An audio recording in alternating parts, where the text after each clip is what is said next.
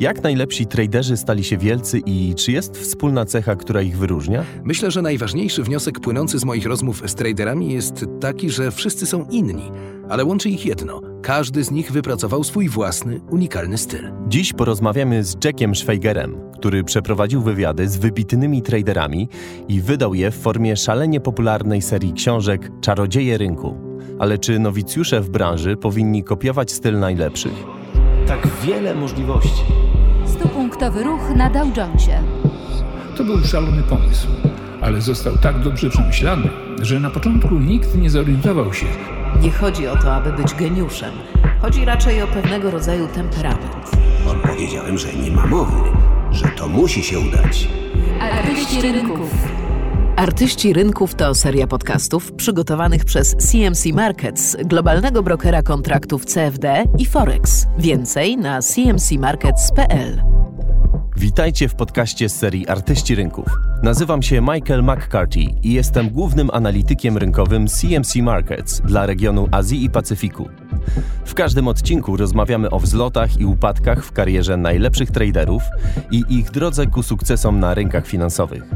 Prawdopodobnie nie ma nikogo w branży, kto lepiej poznał różne style i podejścia najwybitniejszych traderów na świecie niż sam dzisiejszy gość, Jack Schweiger. Jack przeprowadził z nimi wywiady na potrzeby swoich serii książek Czarodzieje Rynku, która rozpoczyna się od tomu pierwszego, wydanego pod tytułem Czarodzieje Rynku.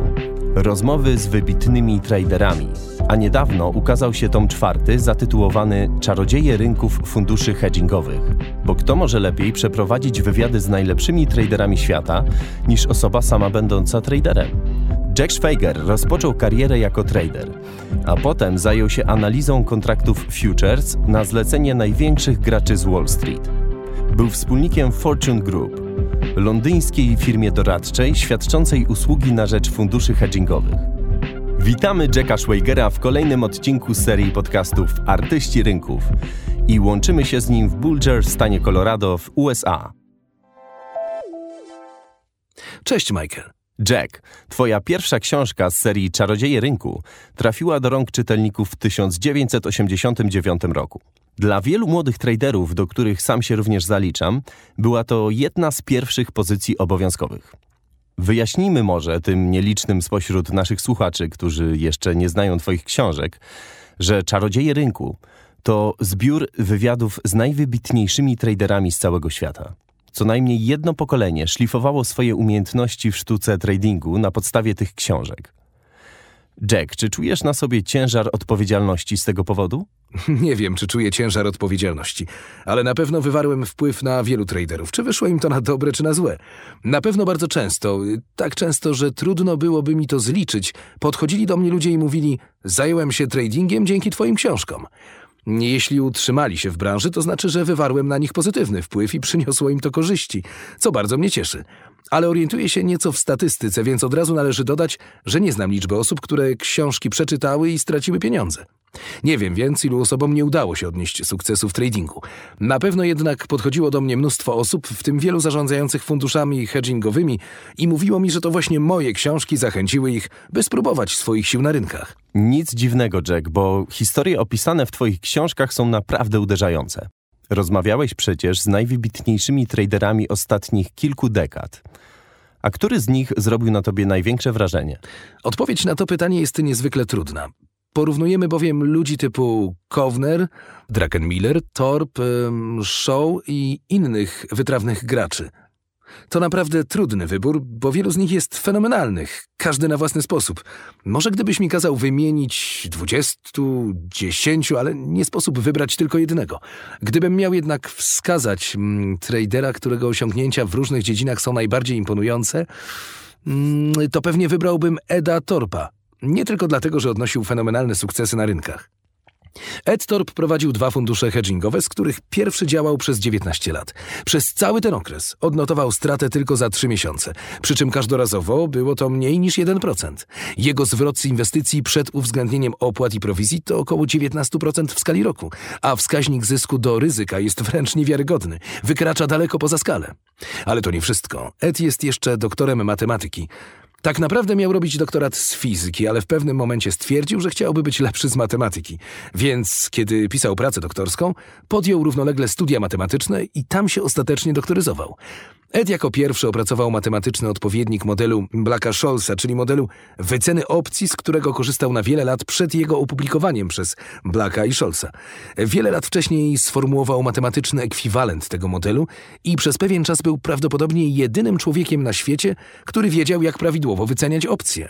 Był też założycielem pierwszego funduszu neutralnego rynkowo oraz pierwszym człowiekiem, który wykorzystywał system arbitrażowy, w tym arbitraż zamiennych papierów wartościowych. Więc biorąc pod uwagę spektrum działalności i osiągnięć. Gdybym miał wybrać jednego z moich rozmówców, byłby to właśnie Ed Thorpe.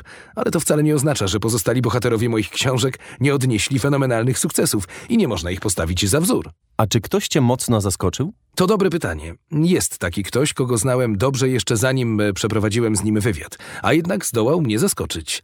To Michael Marcus, o którym piszę w pierwszym rozdziale mojej pierwszej książki Czarodzieje Rynku. Bardzo niechętnie zgodził się na ten wywiad, początkowo mi nawet odmówił.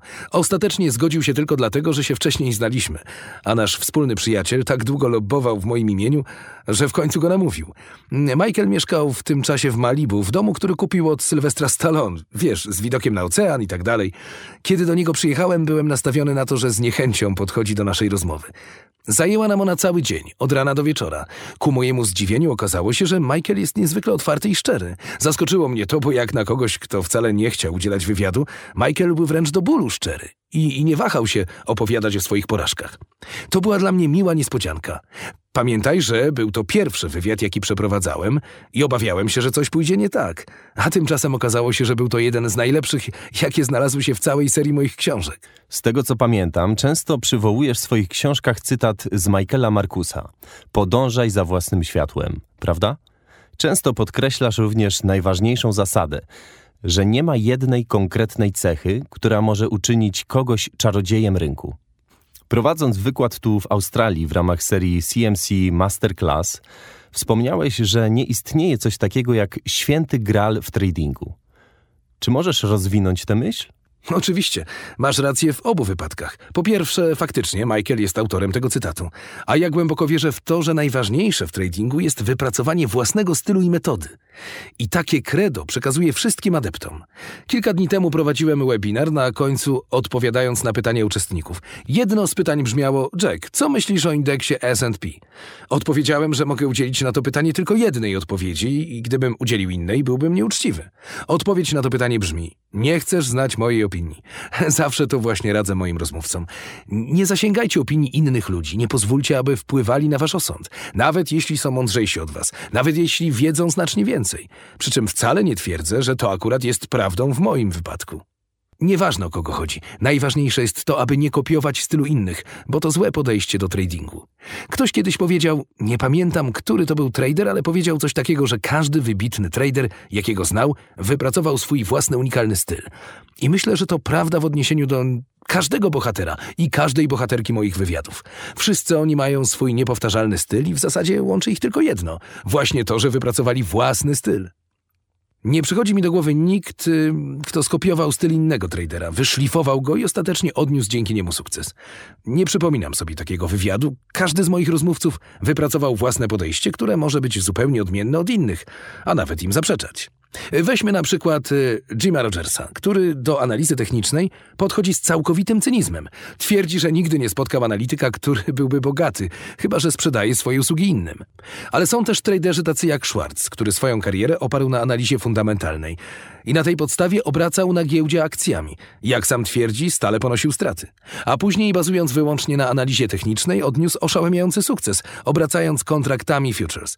I kiedy wypowiada się o traderach, którzy podobnie jak Rogers twierdzą, że analiza techniczna to stek bzdur, przy czym nie odnosi się bezpośrednio do Rogersa i nie cytuje go, mówi raczej ogólnie o tego typu opiniach, to nie trudno zauważyć, że to według niego taki sam stek bzdur, bo przecież on na analizie fundamentalnej poległ, podczas gdy analiza techniczna uczyniła go bogaczem. Widzisz więc, że bohaterami moich książek są traderzy, których poglądy różnią się diametralnie, co tylko potwierdza tezę, że nie istnieje jedno właściwe podejście, ale istnieje podejście właściwe dla każdego z nas. Tyle, że ani ja, ani ty nie możemy dać nikomu gotowego przepisu. Każdy trader musi do niego dojść na własną rękę. W jaki więc sposób wypracować swój własny styl, Jack? Cóż, no metodą prób i błędów. Weźmy na przykład mnie. Zająłem się tradingiem, bo skończyłem kierunek ekonomiczny. Na początku byłem szalenie sceptyczny w stosunku do analizy technicznej, podobnie jak Rogers. Prze- przez pierwsze lata kompletnie więc ją ignorowałem. Nie poświęciłem jej ani chwili uwagi. I może by tak zostało, gdyby nie wpływ jednego z moich podwładnych. W pewnym momencie objąłem stanowisko dyrektora działu analiz i miałem pod sobą wielu analityków fundamentalnych jednego technicznego. Nazywał się Steve Kronowicz i został później moim dobrym przyjacielem. Zauważyłem, że Steve był jedynym analitykiem w tej grupie, który zdecydowanie częściej miał rację niż się mylił w swoich analizach. Mam otwarty umysł, więc poprosiłem go, żeby mi opowiedział, jak to się dzieje. I w ten właśnie sposób poznałem tajniki analizy technicznej. Rozmowy z nim uzmysłowiły mi, że to nie żadne czary-mary, że analiza techniczna po prostu działa w praktyce i można to wyjaśnić w sposób racjonalny. Dzieje się tak dlatego, że niezależnie od tego, kim jesteś, jak duże transakcje przeprowadzasz i do jakich informacji masz dostęp, każde twoje działanie znajduje swoje odzwierciedlenie na rynku. Nie jest tak, że przeprowadzasz jakąś transakcję i nikt jej nie zauważa. Wszystkie twoje działania wpływają na rynek i na ceny. Nie będzie też wielką przesadą, jeśli powiem, że cena musi uwzględniać prawdziwe informacje, bo jest odbiciem wszystkich decyzji podejmowanych na rynku, zarówno tych mądrych, jak i tych głupich. W moim wypadku okazało się ostatecznie, że analiza fundamentalna się nie sprawdza, natomiast analiza techniczna jest bardziej skutecznym narzędziem i bardziej komfortowo się z nią czuję, a dodatkowo współgra z zarządzaniem ryzykiem. Zupełnie zmieniłem więc podejście. Z fundamentalnego purysty, który ponosił wieczne straty, stałem się traderem technicznym. Nigdy nie byłem wybitnym traderem, ale przynajmniej wychodziłem na plus. Chciałbym wrócić do tych traderów, którzy odkryli swoją najmocniejszą stronę. Czy wielu z nich wyjawiło ci sekret swoich sukcesów? Czy raczej bali się ujawniać swoje tajemnice? Niektórzy na pewno bardziej niż inni, jednak niezależnie od tego, czy wyjawili swój sekret, czy też nie, znaleźli w pewnym stopniu naśladowców wśród moich czytelników, którzy wypracowali swoje podejście, czy opanowali podstawy tradingu w oparciu o różne rozdziały moich książek. Na pewno niektórzy z moich rozmówców byli na tyle precyzyjni, że można było na podstawie wywiadu z nimi wypracować własne metody. Ale nikt, yy, chociaż nie, nie, nie, nie powinienem mówić, że nikt, bo niektórzy faktycznie byli bardzo konkretni, ale zdecydowana większość moich rozmówców nie podała gotowej recepty na sukces. Wiesz, od czasu do czasu przeglądam recenzje moich książek na Amazonie. Nie jestem chwalipiętą, ale jeśli chodzi o serię Czarodzieje Rynku, to reakcje czytelników są zwykle bardzo pozytywne. Zdecydowana większość ocenia je na pięć gwiazdek, czasem na cztery. Tylko niewielki procent daje mi jedną lub dwie gwiazdki. Jest to zaledwie około 2 do 3% wszystkich ocen, a przecież wszyscy czytają te same książki. Jeśli spojrzymy na te słabe recenzje, pomijając oczywiście te dotyczące jakości papieru czy czegoś w tym stylu i skupiając się wyłącznie na recenzjach merytorycznych, to okaże się, że czytelnicy narzekają na brak konkretnych porad, wskazania najlepszego systemu tradingu. Czyli sprawa wygląda tak, że ktoś kupił książkę oczekując, że znajdzie tam receptę, jak zarobić fortunę w pięciu prostych krokach. Zrób to, to, to i to, a na twoim koncie pojawi się co roku milion dolarów. Oczywiście takie porady można od kogoś kupić, ale w tej akurat książce ich nie znajdziesz. Niektórzy czytelnicy uznali więc, że książka jest bezwartościowa. Jednocześnie ogromna większość uważa, że w czarodziejach rynku można znaleźć mnóstwo cennych wskazówek. Ci zaś, którzy tak nie sądzą, to prawdopodobnie całkiem początkujący traderzy, którzy błędnie rozumieją zarówno trading, jak i sukces. Szukają jakiegoś sekretnego klucza, a że książka nie podsuwa im niczego takiego na srebrnej tacy, uznają ją za bezużyteczną. Nie wydaje mi się, aby z takim podejściem mogli odnieść sukces na rynku. Nie, zapewne nie odniosą. Brak im poczucia realizmu. Z tego, co mówisz, wynika dość jasno, że własny styl każdego tradera to wypadkowa cech jego charakteru oraz instrumentów, jakimi obraca. Niezależnie od tego, czy są jakieś podobieństwa, które łączą różne style, chodzi mi o cechy charakteru czy sposobu myślenia wybitnych traderów. Jeśli chodzi o cechy charakteru, nie ma żadnego wspólnego mianownika. Bardziej w sferze mentalności, jeśli już. Ale na pewno nie widzę żadnej zbieżności charakterów. W grupie moich rozmówców znajdziemy cały wachlarz osobowości, podobnie jak w każdym innym środowisku. Są wśród nich ludzie bardzo agresywni, którzy mogliby służyć w piechocie morskiej i faktycznie niektórzy z nich służyli. Inni są nieśmiali, wycofani i cisi. To całe spektrum osobowości i nie znajdziemy tu żadnego wspólnego mianownika, ale w warstwie bardziej ogólnej można doszukać się podobieństw. Chodzi na przykład o podchodzenie do tematu z należytym respektem, o przekonanie, że zarządzanie ryzykiem to najistotniejszy aspekt metodologii tradingu. To łączy moich rozmówców. Zresztą tego typu przykładów jest więcej. Mm, Moi rozmówcy rozumieją, że muszą być bardzo elastyczni, że nie mogą sztywno trzymać się swoich opinii, że czasem trzeba zmienić podejście o 180 stopni. Sądzę, że ludzie trzymający się kurczowo dogmatów byliby fatalnymi traderami. Co jeszcze? Na pewno cierpliwość. Jest wiele podobieństw w sposobie działania traderów. Nie dotyczy to charakteru, bo to cechy indywidualne. Jednak jakiś wspólny mianownik można znaleźć. Błędy i wnioski, jakie z nich wyciąga trader, to bardzo istotne elementy tego zajęcia. Twoja sytuacja jest specyficzna, bo przeprowadziłeś i nadal przeprowadzasz wywiady z wieloma wybitnymi traderami. Czy nigdy nie kusiło cię, aby wyjść podczas tych rozmów poza własną strefę komfortu? Czy i tobie zdarzyło się popełnić jakiś błąd na rynku, którego nie powinieneś był popełnić? Jak każdemu traderowi na świecie, zdarzyło mi się popełnić błędy. A czy kiedykolwiek kusiło cię, aby skorzystać ze wskazówek innych? O tak, zdarzyło się to nie raz. Podobnie jak działanie pod wpływem opinii innych. Jeden z błędów na rynku popełniłem właśnie z tego powodu. Zdarzyło się kiedyś, że wyjeżdżałem w interesach. Miałem otwartą pozycję, a pewien trader zajął pozycję po przeciwnej stronie. To były czasy przed erą telefonów komórkowych, nie mogłem więc na bieżąco śledzić sytuacji na rynku. Wbrew sobie skontaktowałem się z maklerem z nocnej zmiany i zamknąłem tę pozycję już po zamknięciu rynków, zanim wyruszyłem w podróż. To było pójście po linii najmniejszego oporu, bo mogłem przecież złożyć zlecenie stop. Oczywiście prawdą było, że nie mogłem śledzić rozwoju sytuacji na bieżąco, ale i tak popełniłem błąd, bo mogłem przecież złożyć zlecenie ze stopem. No i oczywiście, kiedy wróciłem, okazało się, że rynek poszybował kilkaset punktów w moim kierunku. Zdarzyły mi się takie błędy w przeszłości i w gruncie rzeczy nie mogę sobie przypomnieć ani jednej sytuacji, kiedy słuchanie opinii innych pomogło mi w czymkolwiek. Za to od razu przypominam sobie przypadki, kiedy skończyło się to dla mnie źle. A przecież były to opinie ludzi, którzy byli lepszymi traderami niż ja. Dawno temu podjąłem więc decyzję, że nie będę nigdy słuchać niczyich rad, bo ma to na mnie zły wpływ. I słusznie. A czyj styl tradingu jest według ciebie najbardziej wyjątkowy? Och, na to pytanie mogę udzielić zdecydowanej odpowiedzi, bo jeden z moich rozmówców posiadał styl absolutnie odmienny od pozostałych.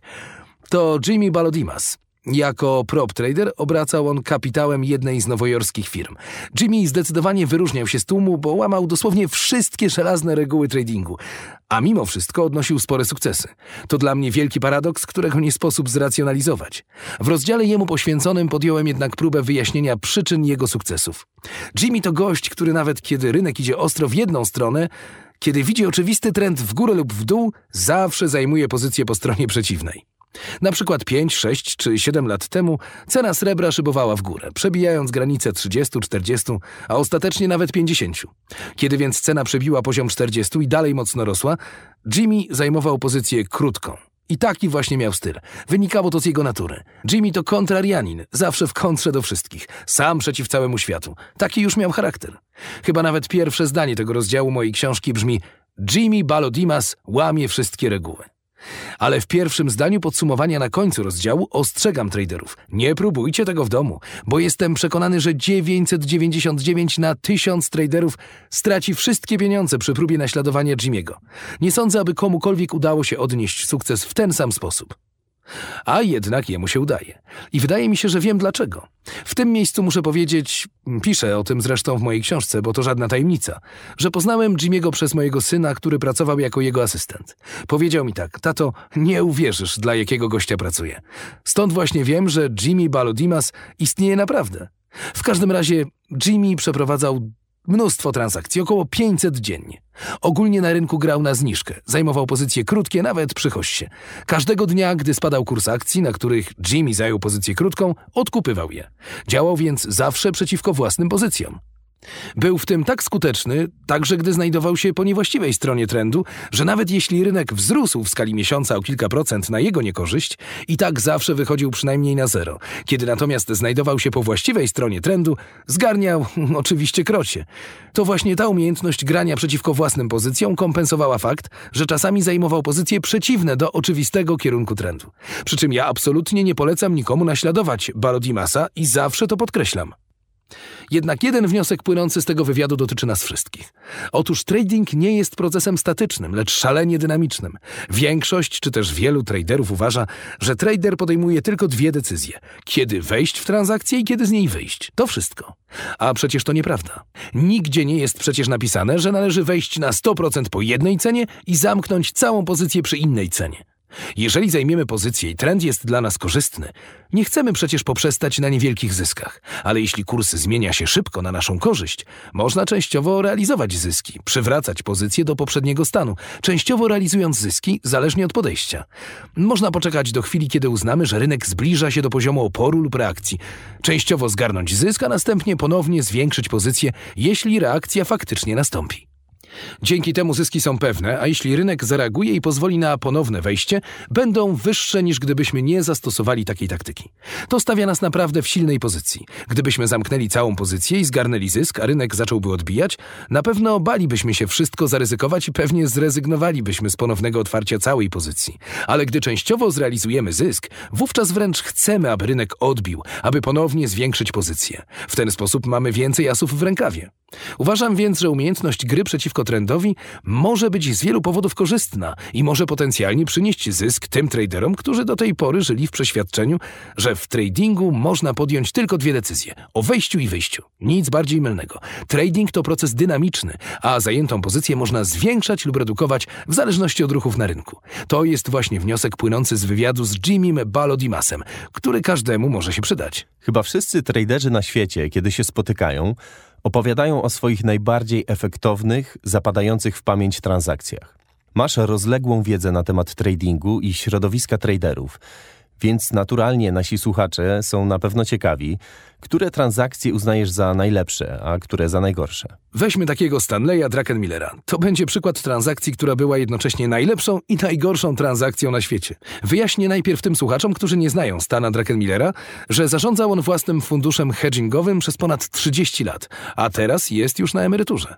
Ale przez te 30 lat jego średnie zyski wynosiły niemal 30% w skali roku. W tym samym czasie przez jakieś 7 lat zarządzał również funduszem inwestycji bezpośrednich George'a Sorosa.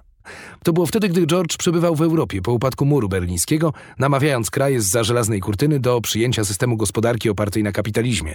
Zajęty rozwojem wydarzeń w tej części świata poświęcał temu znacznie więcej uwagi niż sytuacji na rynkach. W tym czasie Druckenmiller zajmował się więc codziennymi transakcjami jego funduszu. Wiecie już więc, kim jest Stanley Druckenmiller. A teraz cofnijmy się w czasie. Przed podjęciem współpracy z Sorosem Druckenmiller zarządzał siedmioma funduszami na rzecz Dreyfusa. Działo się to w 1987 roku. Przez kilka miesięcy Stan zajmował na giełdzie pozycję krótką netto, a tymczasem rynek ostro zanurkował, notując szczególnie mocny spadek w piątek, 16 października. Kursy spadły tak nisko, że Stan doszedł do wniosku, że tu musi być poziom wsparcia, od którego rynek najprawdopodobniej odbije w górę. Podjął więc decyzję o zamknięciu całej pozycji krótkiej i wykorzystał dźwignię do otwarcia pozycji długiej w momencie zamknięcia piątkowej sesji. To był piątek przed wielkim krachem, który nastąpił w czarny poniedziałek, 19 października. Miał wtedy miejsce największy dzienny spadek wartości indeksów w całej historii amerykańskiej giełdy, jeden z największych odnotowanych kiedykolwiek na świecie. Wartość rynku kontraktów futures, których notowań nie zawieszono, spadła w ten feralny poniedziałek o 29%, jeśli mnie pamięć nie myli. I teraz wyobraźmy sobie zmianę pozycji krótkiej na długą na dzień przed tym, kiedy rynek traci 29% w ciągu jednego dnia. Chyba nie można popełnić gorszego błędu, ale przejdźmy teraz do drugiej części Twojego pytania o najlepsze zagranie na rynku. I znowu należy ono do Druckenmillera. Jest to ta sama transakcja, bo jeśli spojrzymy na jego wynik za cały październik 1987 roku, to okaże się, że stan prawie wyszedł na zero. Jak to możliwe? Otóż przez pierwszą połowę miesiąca zajmował pozycję krótką, a więc zarabiał. Ale najważniejsze jest to, co się zdarzyło przez weekend, przed czarnym poniedziałkiem. I może nie wiąże się to bezpośrednio z Twoim pytaniem, ale z jakiegoś powodu stan uznał, że podjął wcześniej błędną decyzję. Podczas weekendu stwierdził, że nie powinien był odwracać pozycji i postanowił wrócić w poniedziałek do pozycji krótkiej. Niestety w poniedziałek okazało się, że rynek nurkuje, a spadek wynosi już 10 czy 12% w porównaniu z poziomem, przy którym w piątek zamknął pozycję krótką i otworzył długą. Cóż więc zrobił stan, gdy rynek spadał, a przepaść stale się pogłębiała? Natychmiast zamknął pozycję długą i wrócił do krótkiej. Jak niesamowicie elastyczny musi być trader, który zamienia pozycję długą na krótką po tym, jak rynek spadł już o 10 czy 12%, nie wahając się ani chwili. Mógł przecież pomyśleć, że na pewno za chwilę rynek odbije w górę po tak wielkim spadku, a tymczasem on nie tylko zamyka pozycję długą, ale zaraz wraca do pierwotnej pozycji krótkiej, choć od poziomu wyjścia z niej rynek zdążył już spaść o 12%.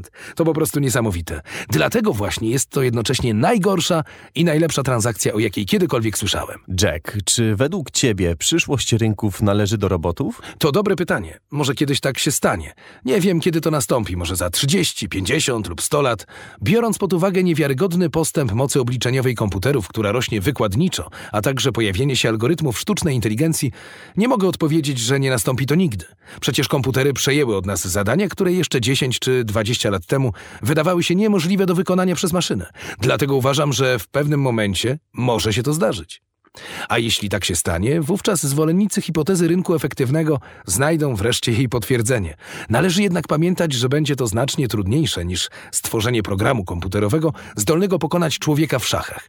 Oczywiście to również nie jest łatwe, ale i tak nie ma porównania z grą na rynkach. W szachach mamy bowiem do czynienia z określonymi posunięciami, które pozostają niezmienne, a liczba możliwych ruchów nie jest nieskończona. Tymczasem na kształtowanie się notowań na rynkach wpływa znacznie więcej czynników i znacznie większa liczba. Jeszcze większe znaczenie ma fakt, że wpływ danego czynnika nie jest stały, ale może ulegać dużym zmianom w czasie. Na przykład polityka pieniężna może mieć w pewnych wypadkach ogromny wpływ na sytuację rynkową, ale kiedy indziej nie ma na nią żadnego wpływu. Kursy akcji mogą rosnąć równolegle do notowań obligacji, albo mogą też iść w przeciwnym kierunku. Nawet poszczególne elementy rynków nie reagują identycznie i nie trzymają tego samego kierunku przez cały czas.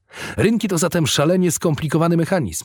Ale zarówno niektórzy moi rozmówcy, jak Paul Torp czy Shaw, jak i świetni traderzy, z którymi nie przeprowadzałem wywiadów, na przykład ci z Renaissance, osiągają już teraz świetne wyniki wykorzystując programy komputerowe. A więc to już się dzieje. Sądzę jednak, że wiele lat upłynie, zanim komputery przejmą rynki całkowicie. Jack, czym się teraz zajmujesz? W tej chwili zajmuje mnie fintechowy startup o nazwie FundSeeder, którego jestem wspólnikiem.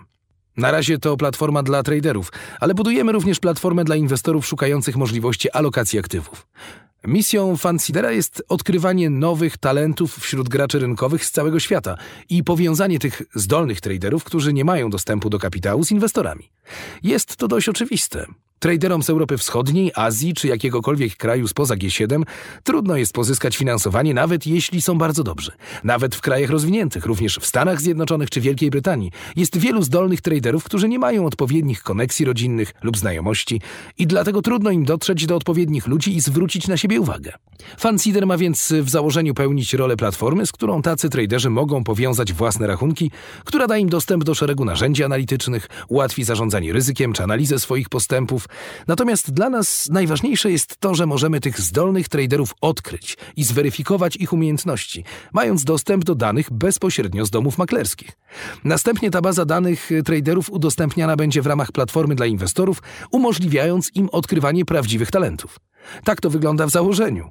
Pierwsze lata spędziliśmy na rozwijaniu platformy dla traderów i zachęcaniu ich do zawierania transakcji za jej pośrednictwem. Ta funkcjonalność będzie w przyszłości dalej rozwijana, ale obecnie skupiamy się na budowaniu platformy dla inwestorów. Spodziewamy się, że w ciągu roku powinniśmy już działać jako dwustronna platforma łącząca inwestorów z wybranymi traderami. Nasz adres to fundseeder.com. Czyli w ten sposób będzie można odkryć nowych czarodziejów rynku? Tak, faktycznie, nasza platforma może do tego służyć, choć nie była to główna motywacja do tworzenia Fansidera. To jednak po kilku latach, kiedy już zgromadzimy odpowiednio dużą bazę danych i sporą liczbę traderów, być może opublikuję kolejną książkę pod roboczym tytułem Nieodkryci czarodzieje rynku. Mogłaby zawierać wywiady z ludźmi, których odkryliśmy dzięki naszej platformie. Jack, bardzo dziękuję, że poświęciłeś nam swój czas i podzieliłeś się z nami swoją wiedzą. Nasi traderzy i słuchacze bez wątpienia na tym skorzystają. Ja również dziękuję. Naszym dzisiejszym gościem był Jack Schweiger. Artyści Rynków to autorska seria podcastów CMC Markets, globalnego lidera transakcji online. Aby być na bieżąco z nowymi odcinkami, zachęcamy do subskrypcji za pomocą aplikacji Apple Podcasts lub innych aplikacji na Androida, z których korzystacie, by słuchać ulubionych podcastów. Udostępniajcie nasze podcasty znajomym i zostawcie nam swoją opinię. Nazywam się Michael McCarthy, a to był piąty odcinek serii Artyści Rynków.